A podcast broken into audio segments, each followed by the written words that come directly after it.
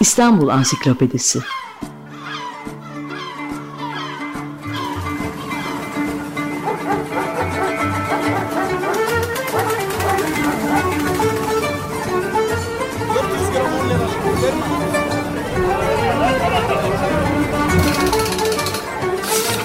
İnsanlar, olaylar, mekanlar, gelenekler ve ihtiyaçlar üzerinden şehrin tarihinden sayfalar.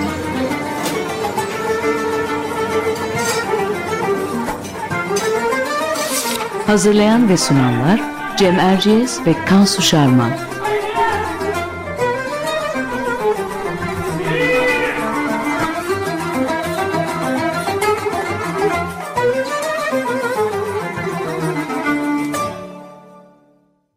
Merhaba, ben Cem Erciyes. Açık Radyo'da Kansı Şarman'la birlikte hazırladığımız İstanbul Ansiklopedisi'nin 9. programındayız. Bu hafta program konumuz Galata'nın kayıp surları. Konuğumuz Galata ve tarihi hakkında araştırmalarıyla tanınan tarihçi Saro Dadyan. Saro Bey hoş geldiniz. Merhaba, hoş bulduk. Her hafta olduğu gibi Galata'nın geçmişi hakkında kısa bir giriş yapacağız Kansu'yla. Sonra da sözü olabildiğince uzatmadan yapacağız bunu. Konuğumuz Saro Dadyan'a bırakacağız. Galata ilk çağın sonlarından itibaren e, biliniyor tarihi. Sikayi yani incirlik yahut incir ağacı anlamına gelen Skodes adıyla bilinen bir yerleşim merkezi. Benim e, edindiğim bilgilere göre böyle başlatabiliyoruz tarihini. 325-330 yıllarında İmparator Konstantin tarafından Konstantinopolis inşa ettirilirken bu bölgede surlarla çevrilip tahkim edilmiş. Yine burada bulunan e, Afrodit Tapınağı'nın yerinde ise bugünkü Arap Camii'nin arazisi üzerinde yükselen Haya İren Kilisesi inşa edilmiş. Sonraları İmparator Justinian bu semti de yeniden imar ettirmeye karar vermiş ve yeni surlarla çevirmiş. Hatta kendisi içinde bir imparatorluk sarayı inşa ettirdiği biliniyor. Semtin esas değişimi ve gelişimi ise Latin istilasından sonra. Venediklilere karşı Doğu Roma ile işbirliği yapan Cenevizliler karşılığında bu bölgenin yönetimini devralıyorlar. Cenova burayı bir ticaret kolonisi olarak teşkilatlandırıyor ve e, Latin istilası sona erdikten sonra e, Galata'yı Cenova'dan tayin edilen Podesta adlı verilen bir vali yönetmeye başlıyor. Bu vali sembolik olarak e, Bizans İmparatorluğu'nun huzuruna çıkıp ona bağlılığını beyan ediyor. Ama e, yönetim e, Cenevizlilerde oluyor. E, ama bu dönem Bizans İmparatoru Galata Cenova'ya teslim edilirken kadim surları da yıktırıyor. Yani bizim esas konumuz olan surların e, yıkılma ilk ilk büyük yıkımı da tam bu tarihte gerçekleşiyor değil mi Kansu? Buradan itibaren de evet. belki bu surların surların e, maküs talihi hakkında biraz özet bilgi de senden alalım Saro Bey'e sorularımızı sormaya başlamadan önce. Tamam. Ee, evet yıktırıyor çünkü e, Bizans İmparatoru kendi başkentinin yanı başında bu kadar müstakil bir bölge istemiyor aslında. E, ancak 1296'da Venedik donanması buradaki Ceneviz kolonisini, Galata'daki Ceneviz kolonisini ateşe verince e, Bizans İmparatoru Ceneviz kolonisine bağışlanan bölgenin sınırlarını çizen bir ferman veriyor Cenevizlilere. E, Cenevizliler de bu imtiyaz alanı içine depo, ticarethane, hamam, kilise gibi yapılar inşa ediyorlar. E, ve işte bugün e, artık çok azı günümüze gelen ünlü Galata surlarının yapımı e, o zaman başlıyor. E, Bizanslı filozof Gregoras'a göre imparatordan Galata'daki imtiyaz alanlarının sınırları hakkında bu fermanı alan Cenevizler e, sınırların etrafını hendekle çeviriyorlar ve hendeklerin içlerini de suyla dolduruyorlar. E, Cenevizler hendeklerin etrafına Casatorre denilen taştan malik malikaneler inşa etmeye başlıyorlar. E, ama esasında bunlar birer konut değil. İleride tüm Galata'yı saracak olan surların burçları bunlar. E, daha sonra hendeklerin etrafındaki malikanelerin kalın ve güçlü duvarlarla birbirine bağlanmasıyla Galata surları inşa edilmiş oluyor. Şimdi daha fazla uzatmayayım. E, tam bu noktada konuğumuz Sarodadyan'a dönelim ve Galata surlarının Bizans ve Osmanlı dönemindeki durumunu kendisinden öğrenelim. E, tekrar merhaba Saro. E, şöyle devam edelim diyoruz. E, Eminönü'nden Eyüp'e ve Marmara sahilinden de Yedikule'ye uzanan tarihi yarımada surlarının büyük bir kısmı duruyor biliyorsun. biliyorsun. Ee, ancak Galata surlarının büyük bölümü yok olmuş.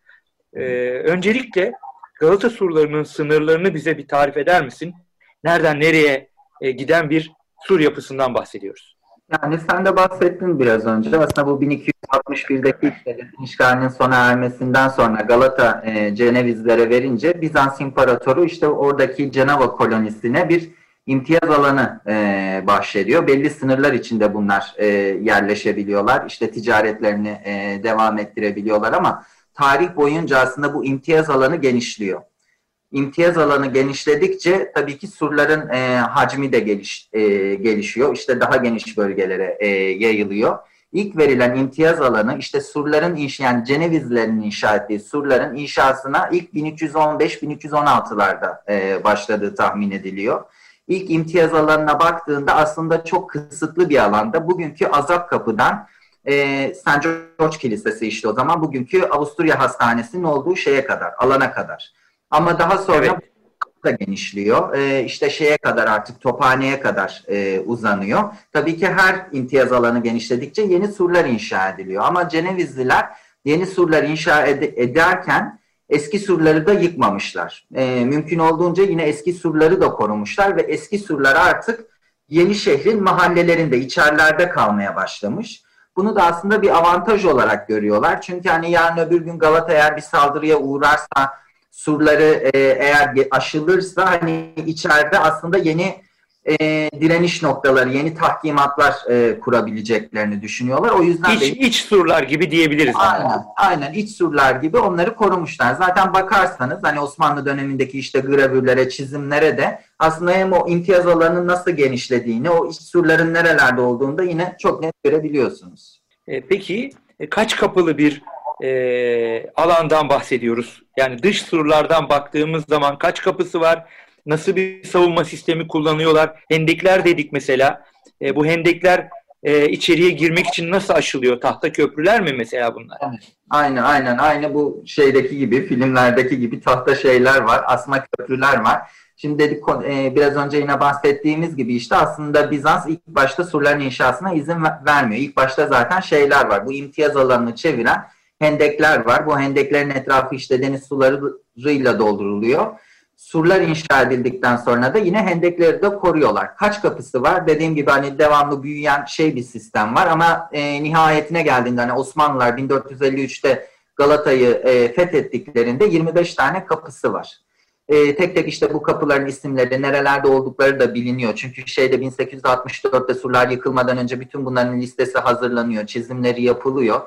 E, de, dediğim gibi kapıların isimleri de biliniyor. E, ee, 25 tane toplamda şeyi var, kapısı var. E, dediğim gibi işte bu şey var, e, hendekleri yine koruyorlar. Hendeklerden geçiş yine bu şeylerle sağlanıyor, asma köprülerle sağlanıyor.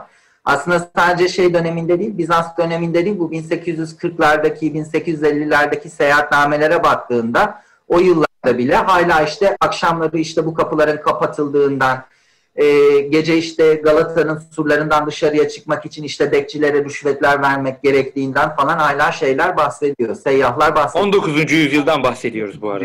Evet. Yani hatta Edwin Grasvenor işte meşhur şey Robert Kolej'in tarih hocası Konstantinop diye iki ciltlik bir şeyi vardır. Ansiklopedisi vardır. Mesela o 1857 yılına kadar hala her gece o kapıların işte kilitlendiğini, burada bekçilerin olduğunu, Gece işte Galata'ya giriş çıkışın kontrol edildiğini, işte dediğim gibi gece bir hani önemli bir olay olduğunda şehirden çıkmak yani Galata'dan çıkmak gerektiğinde o kapıları açtırmak için işte bekçilere rüşvet verildiğinden falan hatta Grasvenor bahsediyor. Peki burada araya gireceğim pardon. Bir tür e, neden kilitleniyor? Yani 1857'de İstanbul'un e, sur kapıları kilitlenmiyor. Neden Galata'nınkiler yani, kilitleniyor?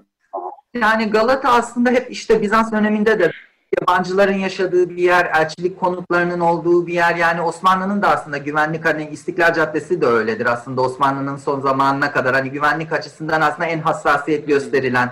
Burada bir olay çıkmaması için e, hep koruma altında tutulan. Yine, yine bankalar, bankerler, e, bol para tabii. vesaire var muhtemelen tüccarlar. E, tabii, tabii, tabii. Tüccarlar var, depolar var, bankalar var dediğiniz gibi. Muhtemelen o yüzden. Peki e, Galata Kulesi bu, bu noktada çok önemli. 1300'lerin ortalarında yapılıyor. Nedir surlarla bağlantısı? Yani şöyle dediğim gibi e, surlar işte tarih boyunca e, büyüyor ve bu son büyüme aslında şeyde 1349 yılında e, bu artık son halini alması işte son halini aldığında 1349 yılında kulede o sırada e, inşa ediliyor ve kule aslında Galata'nın yani bugün her ne kadar ortasında kalsa da Galata'nın meydanı olsa da o tarihte kule Galata'nın artık bittiği yer. Yani en tepe noktası. Yani yukarıdan aşağıya doğru açılmış bir yelpaze gibi düşünün şeyi Galata'yı. En tepede semtin bittiği yerde kule var. Bu kuleye de işte Torre de Christ diyorlar yani İsa Kulesi e, diyorlar şeyler. Cenevizliler. E, dediğim gibi o da 1349'da aslında surların bir bileşeni olarak, surların birleşme noktası olarak ve bir gözetleme kulesi olarak inşa ediliyor. Evet. Evet, peki bu e, surları da e, inşa eden, bölgeyi yöneten Cenevizlilerin e, Bizans döneminde ve daha sonra Osmanlı ile ilişkileri nasıldı Sarı Bey? Yani e, o dönem nasıl, nasıl, fetihten sonra nasıl bir ilişki e, kuruluyor? E, Osmanlılar, Osmanlı döneminde onlardan yine bir imtiyaz beklentileri oluyor mu? O ilişkiler nasıl Tabii. devam ediyor onu sormak istiyorum. Tabii. Yani şeyin Galata'daki Ceneviz kolonisinin hani mümkün olduğunca aslında herkesle iyi ilişkiler kurmaya çalışıyor. Çünkü bunlar hani böyle ordusu olan, asker gücü olan falan bir şey değil, bir koloni değil. Yani burası bir şey, ticaret kolonisi. Uluslararası ticaretten aslında büyük oranda e, şey sağlıyorlar, gelir sağlıyorlar. Çünkü bir taraftan şey alıyor, e, gümrük vergisi alıyor. Hatta işte Cenevizlerin inşa ettiği gümrük binası da bugün hala Galata'da duruyor. Bugün Galata Derneği olarak kullanılıyor. E, bir taraftan tabii özellikle Karadeniz'de işte toplanılan e, malların, e, işte metaların Avrupa'ya dağıtılması yine burası üzerinden e, sağlanıyor. O yüzden önemli bir şey. Ticaret merkezi ve birçok şeyle aslında e, o dönemin birçok siyasi gücüyle de e, ticari ilişkiler kurmaya çalışıyorlar. Ticari anlaşmalar imzalıyorlar. E, bunlardan bir tanesi de Osmanlılar 1387'de işte Osmanlılarla bir, aynı şekilde bir ticaret anlaşması imzalıyorlar. Hani sonrasındaki gelişmelere de baktığınızda aslında Osmanlı ile yakın ilişkileri olduğu görülüyor. Hatta işte 1440'lı yıllarda e, yine Galata surlarının bir tahkimatı söz konusu oluyor. İşte Galata Kulesi'nin yükseltilmesi söz konusu oluyor e, orada mesela 2. Murat'tan hani şey istedikleri, maddi bir yardım istedikleri, hatta ikinci bunun karşılığında da 2. Murat'ın işte Tuğrası'nın, 2. Murat'ın işte yaptığı bağışın nişanesi olarak bir kitabenin e, kuleye yerleştirilmesini teklif ediyorlar ama daha sonra işte Cenova e, buna karşı muhtemelen onlar da Bizans'la olan ilişkileri düşünüyorlar. Çünkü 2. Murat neticede İstanbul'u fethetmeye çalışmış bir şey, e, hükümdar. Cenova'nın araya girmesiyle hani bu şey e, girişim hakim kalıyor ama yani Osmanlılarla hani devamlı bir ilişki içinde olduklarını görüyoruz. E, peki, peki of, evet. Buyur Kansu. E, ben e, tam da fetihte ne durumda oldular ha, o zaman? Evet. Bu söylediğim 1453'te e, tam İstanbul'un Osmanlılarının eline geçmek için kuşatıldığında Galata'nın tavrı nedir? Bu surlar e, nasıl bir e, görev görüyor diyelim? Yani şöyle dediğim gibi e, Galata'daki koloninin elinde büyük bir asker gücü yoktu. Yani hani şeye karşı Osmanlı ordusuna böyle direne yani ne kadar sırları da olsa işte hendekleri de olsa Osmanlı ordusuna direnebilecek bir güçleri yok. Bunun da farkındalar. Ama tabii ki şeyi de kestiremiyorlar. Yani bu savaşın kazananı kim olacak? Osmanlı mı Bizans mı? Onu da kestiremiyorlar. Hani o dönemin kroniklerine baktığınızda aslında mümkün olduğunca e, iki taraflı bir siyaset bitmeye çalıştıklarından. Bir taraftan işte Fatih Sultan Mehmet'le Podesta bizzat birkaç defa görüşüyor. E, işte Galata'dan e, bir takım şeyler Osmanlı ordusu için sağlanıyor. E, ama bir taraftan işte Bizans'a da hem istihbarati bilgiler verdikleri, Bizans'a da mümkün olduğunca yardımcı olmaya çalıştıkları görülüyor. Yani son ana kadar e, aslında e, biraz iki taraflı oynuyorlar gibi bir şeyleri var, durumları var. Ama artık İstanbul'un Osmanlılar tarafından fethedildiği kesinleşince Podesta bizzat Fatih Sultan Mehmet'in işte huzuruna çıkıp Galata'nın anahtarlarını işte yine o dönemki kroniklerini anlattığına göre işte gümüş bir tepsi içinde bütün kapıların anahtarlarını Fatih Sultan Mehmet'e teslim ediyor ve savaşmadan teslim oldukları için İstanbul'un dışında Galata aslında yağmalanmıyor. Mesela uzun hatta 7 sene fetihten e, sonra 7 sene kadar mesela hiçbir kilisenin camiye de çevrilmediğini görüyoruz şeyde Galata'da. Ve aslında e, Cenevizliler şeyi düşünüyorlar. Yani tabii ki Bizans'ta çok imtiyazlı bir e, durumları var. İşte vergilerden muaflar, özel bir şeyleri var, ticaret kolonileri var. Hatta kendilerine ait Cenova'nın da tanıdığı bir anayasaları var. Yine bu özel durumun aslında Osmanlı döneminde de tabii ki devam etmesini e, diliyorlar. 1454'te hatta işte Fetih'ten hemen bir sene sonra işte Cenova'dan bu iş için özel e, şeyler gönderiliyor, elçiler gönderiliyor. Yine bu eski imtiyazlarını kazanmak istiyorlar. Ama tabii ki Osmanlı yönetimi hani kesinlikle bu şeyi kabul etmiyor. Bu imtiyaz e, taleplerini e, kabul etmiyor ve şeyde aslında biliyorsunuz 1830'lara kadar Katolikler e, Osmanlı'da resmen cemaat sayılan bir şey değil, e, bir grup değil. Yani resmen bir Osmanlı milleti sayılmıyor Katolikler. 1830'da kabul ediliyor bu. Onlar da resmen Osmanlı tarafından kabul edilmiş bir cemaat olmadıkları için 1454'te bu imtiyaz fermanını alamayınca işte Magnifica Comita di Pera diye kendi içlerinde teşkilatlanıyorlar aslında. İşte Pera'nın muhteşem cemaati denilen bir e, oluşum içine gidiyorlar. Yine kendi iş iç, iç işlerini kendileri yürütüyorlar. Evet yani aslında e, ta, tarafsız kalarak canlarını ve mallarını kurtarmış oluyorlar e, Cenevizliler. Fakat burada egemenliklerini kaybediyorlar ve bir daha da hiçbir zaman o e, Bizans dönemindeki e, pozisyonlarına ge gelemiyorlar Osmanlı döneminde. Hakikaten e, bu da aşikar bir şekilde çıkıyor ortaya. Peki biz yine surlara dönelim. Hı hı. E, bu Osmanlı bu Galata surlarını olduğu gibi bırakmış mı? Kaderine mi terk etmiş? Biraz önce e, kiliselerin camiye o dönem için çevrilmediğinden söz etmiştin. Sonraki durum Osmanlı'nın e, İstanbul'a yerleştiği artık bir kalıcı başkent olduğu dönemde e, Osmanlı idaresiyle hemen suyun öteki tarafındaki Galatalıların ilişkisi nasıl oluyor? Surların durumu ne oluyor? Yani dediğim gibi işte şeyden sonra aslında fetihten sonra işte o dönemde Galata'nın en büyük kilisesi Saint Pierre ve Saint Paul Kilisesi. Ee, 1453'te fetihten sonra burası hemen cami olmuyor. İlk cami olan yer burası 1461'de. Yani e, işte fetihten 8 sene kadar. E, evet. Ama bu kilisenin daha sonra yeniden kurulmasına izin veriliyor ki bugün de işte hala e, devam eden bir kilise. Saint Pierre Kilisesi, esas ilk Saint Pierre Kilisesi de Arap Camii oluyor. İşte o zamanki cami Kebir. Yani Galata'nın en büyük şeyi, cami. Evet. E, Galata surları şöyle, e, yani bu da yine kroniklerde geçtiği şekilde hani fetihten sonra işte Zanos Paşa'nın işte Galata'yı teslim aldığı ve e, şeyin fethin bir göstergesi olarak buradaki surlarda hatta kulede işte bir takım e, önce yıkımların yapıldığı daha sonra işte Osmanlı tarafından e, tekrar bu surların e, tahkim edildiği, işte kulenin tahkim edildiğine dair şeyler var, e, kayıtlar var. Sonrasında da tabii kulede, e, surlarda işte birçok defa depremlerde, yangınlarda zarar görüyorlar. İşte defalarca tekrar imar ediliyorlar. İşte kulenin zaten e, özellikle üst kısmı malum işte birçok fırtınada uçuyor, değişiyor, tekrar inşa ediliyor falan. Aslında Osmanlı döneminde devamlı bir şey var. Devamlı bir onarım söz konusu.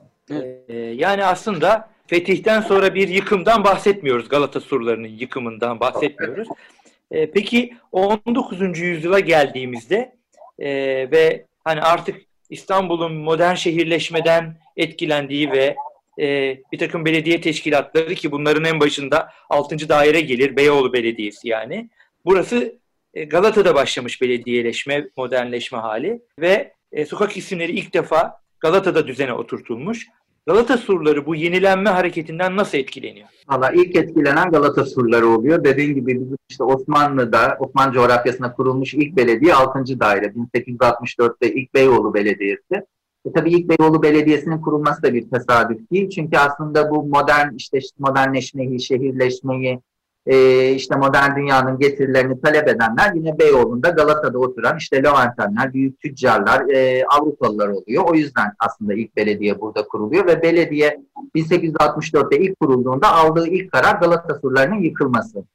Çünkü o e, yani işte Paris yani bu Paris'te de meşhur işte Baron Osman işte bütün Paris'te hani baştan aşağı yıkıp yeniden inşa ediyor neredeyse. Aslında Osmanlı'da e, bu akımı ilk Beyoğlu'nda e, deniyor e, işte hani o dönemdeki şey Galata surları, sadece Galata surları değil, surların etrafındaki mezarlar, e, işte bir takım şeyler, çarpık yapılaşma artık e, şehir için büyük bir dert haline geliyor ve e, Osman şey dediğim gibi 6. dairenin aldığı ilk şey, ilk karar bu Galata surlarının yıkılması. Bunun birkaç sebebi var. Birincisi tabii ki çok geniş bir şeyi kaplıyor, alanı kaplıyor. İşte hendekler, surlar hani bunların yıkılıp doldurulmasıyla aslında belediyeye çok büyük bir şey sağlıyor, kar sağlıyor. Çünkü bu araziler belediye tarafından satılıyor ve aslında İstanbul'un ilk apartmanları yine bu araziler üzerine inşa ediliyor. Hı hı. İkincisi tabii ki bir şey sorunu var. İşte güvenlik sorunu var. Ee, dediğim gibi işte bu surların işte devamlı bir şey altında tutulması, e, kontrol altında tutulması. E, malum 19. yüzyılda işte 1950'li 60'lı yıllarda İstanbul'da çok büyük kolera salgınları var. Bu kolera salgınlarının nedeni de yine bu işte çarpık e, mezarlıklar işte İstiktepe başındaki Taksim'deki mezarlıklar olarak gösteriliyor. İşte usullarla beraber tabii bir taraftan bunlar da e, ortadan kaldırılmaya çalışılıyor. Ve dediğim gibi işte şeyde 1864'te belediyenin aldığı ilk karar bu surların yıkılması oluyor ve 64'te surların yıkımına başlanıyor. Ama e, dediğim gibi o sırada 6. dairenin Fransız bir mühendisi var Mary Delaunay diye. Bu Mary Delaunay surlar yıkılmadan önce e, bütün surların geç, geçtiği güzergahın çizimlerini yapıyor. İşte kapıların işte isimlerini tek tek kaydediyor. Bir taraftan da tabii ki bütün bu şeylerin üzerinde, surların üzerinde e, yüzlerce şey var, e, amblemler var. Bu amblem işte Bizans İmparatorluğu'nun amblemi var, Cenova'nın amblemleri var, e, bu surları yaptıran ailelerin amblemleri var. Tek tek bunları numaralandırılıyor, numaralandırıyor ve surlar yıkılırken aslında bütün şeyler korunuyor. E, işte bu kitabeler ve amblemler korunuyor. Çünkü 64'te bir taraftan surlar yıkılırken Diğer taraftan Galata Kulesi'ni bir müzeye dönüştürme projesi var. Bu işte surlardan çıkartılan kitabelerin, amblemlerin de burada sergilenmesi düşünülüyor. Ama gerçekleşmiyor bu şey, e, proje. Daha sonra işte bütün bu şeyler, e, işte amblemler, kitabeler daha sonra arkeoloji müzesine taşınıyor. Evet çok enteresan. Tabii şey de var. Yani o, o zamanın sağlık anlayışında temiz hava e, diye bir şey var, kült karar e, fikir var. Evet. E, muhtemelen Galata surlarının da temiz hava akımına mani olduğunu düşünmüş olabilirler. Çünkü Diyarbakır surlarının da bir kısmını e, temiz hava akımı olsun, e, kulender olsun diye yıktıklarını biliyoruz mesela. Gerçekten peki e, bu o surlardan bugüne e, kalan parçalar var aslında. Siz tabii bölgeyi sadece tarihçi olarak değil, aynı zamanda oranın bir sakini olarak da iyi biliyorsunuz.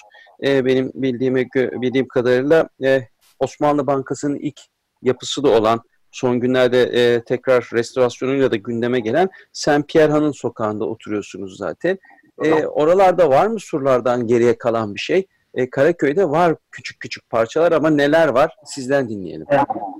Yani dediğiniz gibi surlardan kalan birkaç parça var. Kulenin etrafında işte çok ince bir e, şey var, sur duvarı var. E, bu surlardan kalan sadece iki tane burç var bahset, e, bu iki burçta işte biraz önce bahsettiğimiz aslında Saint Pierre'ın hemen arkasında, Saint Pierre Kilisesi'nin arkasında. E, bunların kalma sebebi de Saint Pierre Kilisesi'nin manastırının duvarıyla bu şeyler, e, burçlar bitişik. Yani hani onlar manastırda yıkılacak. Manastır çökeceği için yıkamamışlar o burçları kalmış evet, onlar. Sadece aynen iki tane burcu yıkamamışlar. O burçlar bugün hala e, duruyor. Yani tabii ki ne yazık ki çok e, bakımsız hani e, yani yıkılmaya yüz tutmuş bir şekilde duruyor. Evet. Duruyor. E, bir de şey var, kalan son bir e, kapı var. E, o kapı da bu en son işte metro inşaatı için inşa edilen köprünün hemen altında bulunan bir kapı. Evet. Diye geçen bir kapı. O yanık kapı. kapı. Yanık kapı, aynen. Tek kalan kapı yanık kapı. Üzerinde işte hala bir şey duruyor, e, bir aile amblemi duruyor. O yanık kapının tam karşısında Azap Kapı'da yine köprünün altında yine çok küçük bir sur duvarı kalmış. Bütün işte o Galata surlarından kalanlar aslında bundan ibaret oluyor. Evet orada o sur duvarını görebiliyoruz. Oradan e, metroya inip binenler o sur e, kalan sur duvarı boyunca e, yürüyorlar değil mi? E, köprü Yürüyor, şeklindeki evet. metro durağımıza binmek için.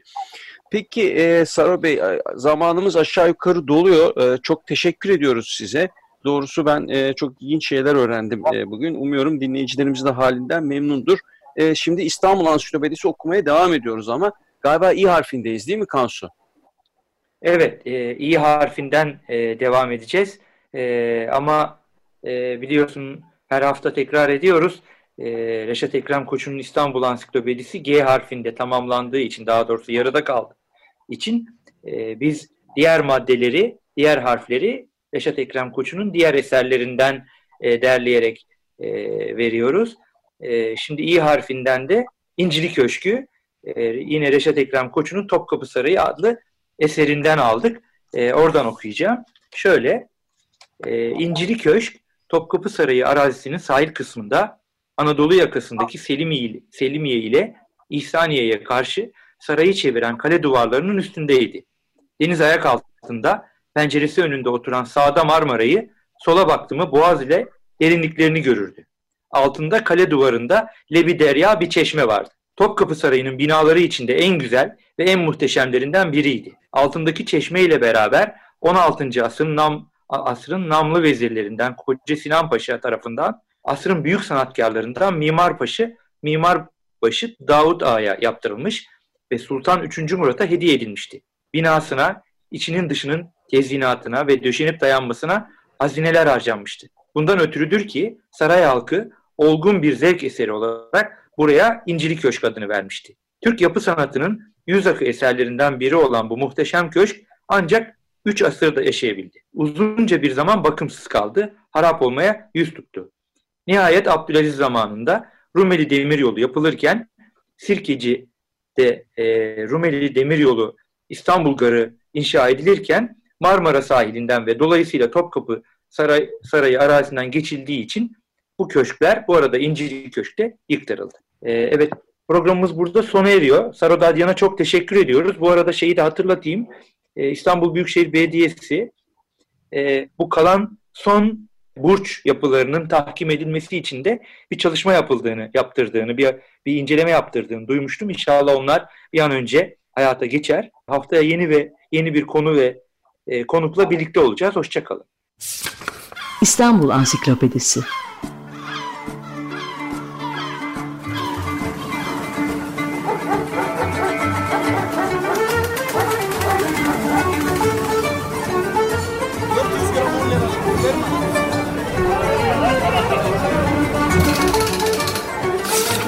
İnsanlar, olaylar, mekanlar, gelenekler ve ihtiyaçlar üzerinden şehrin tarihinden sayfalar.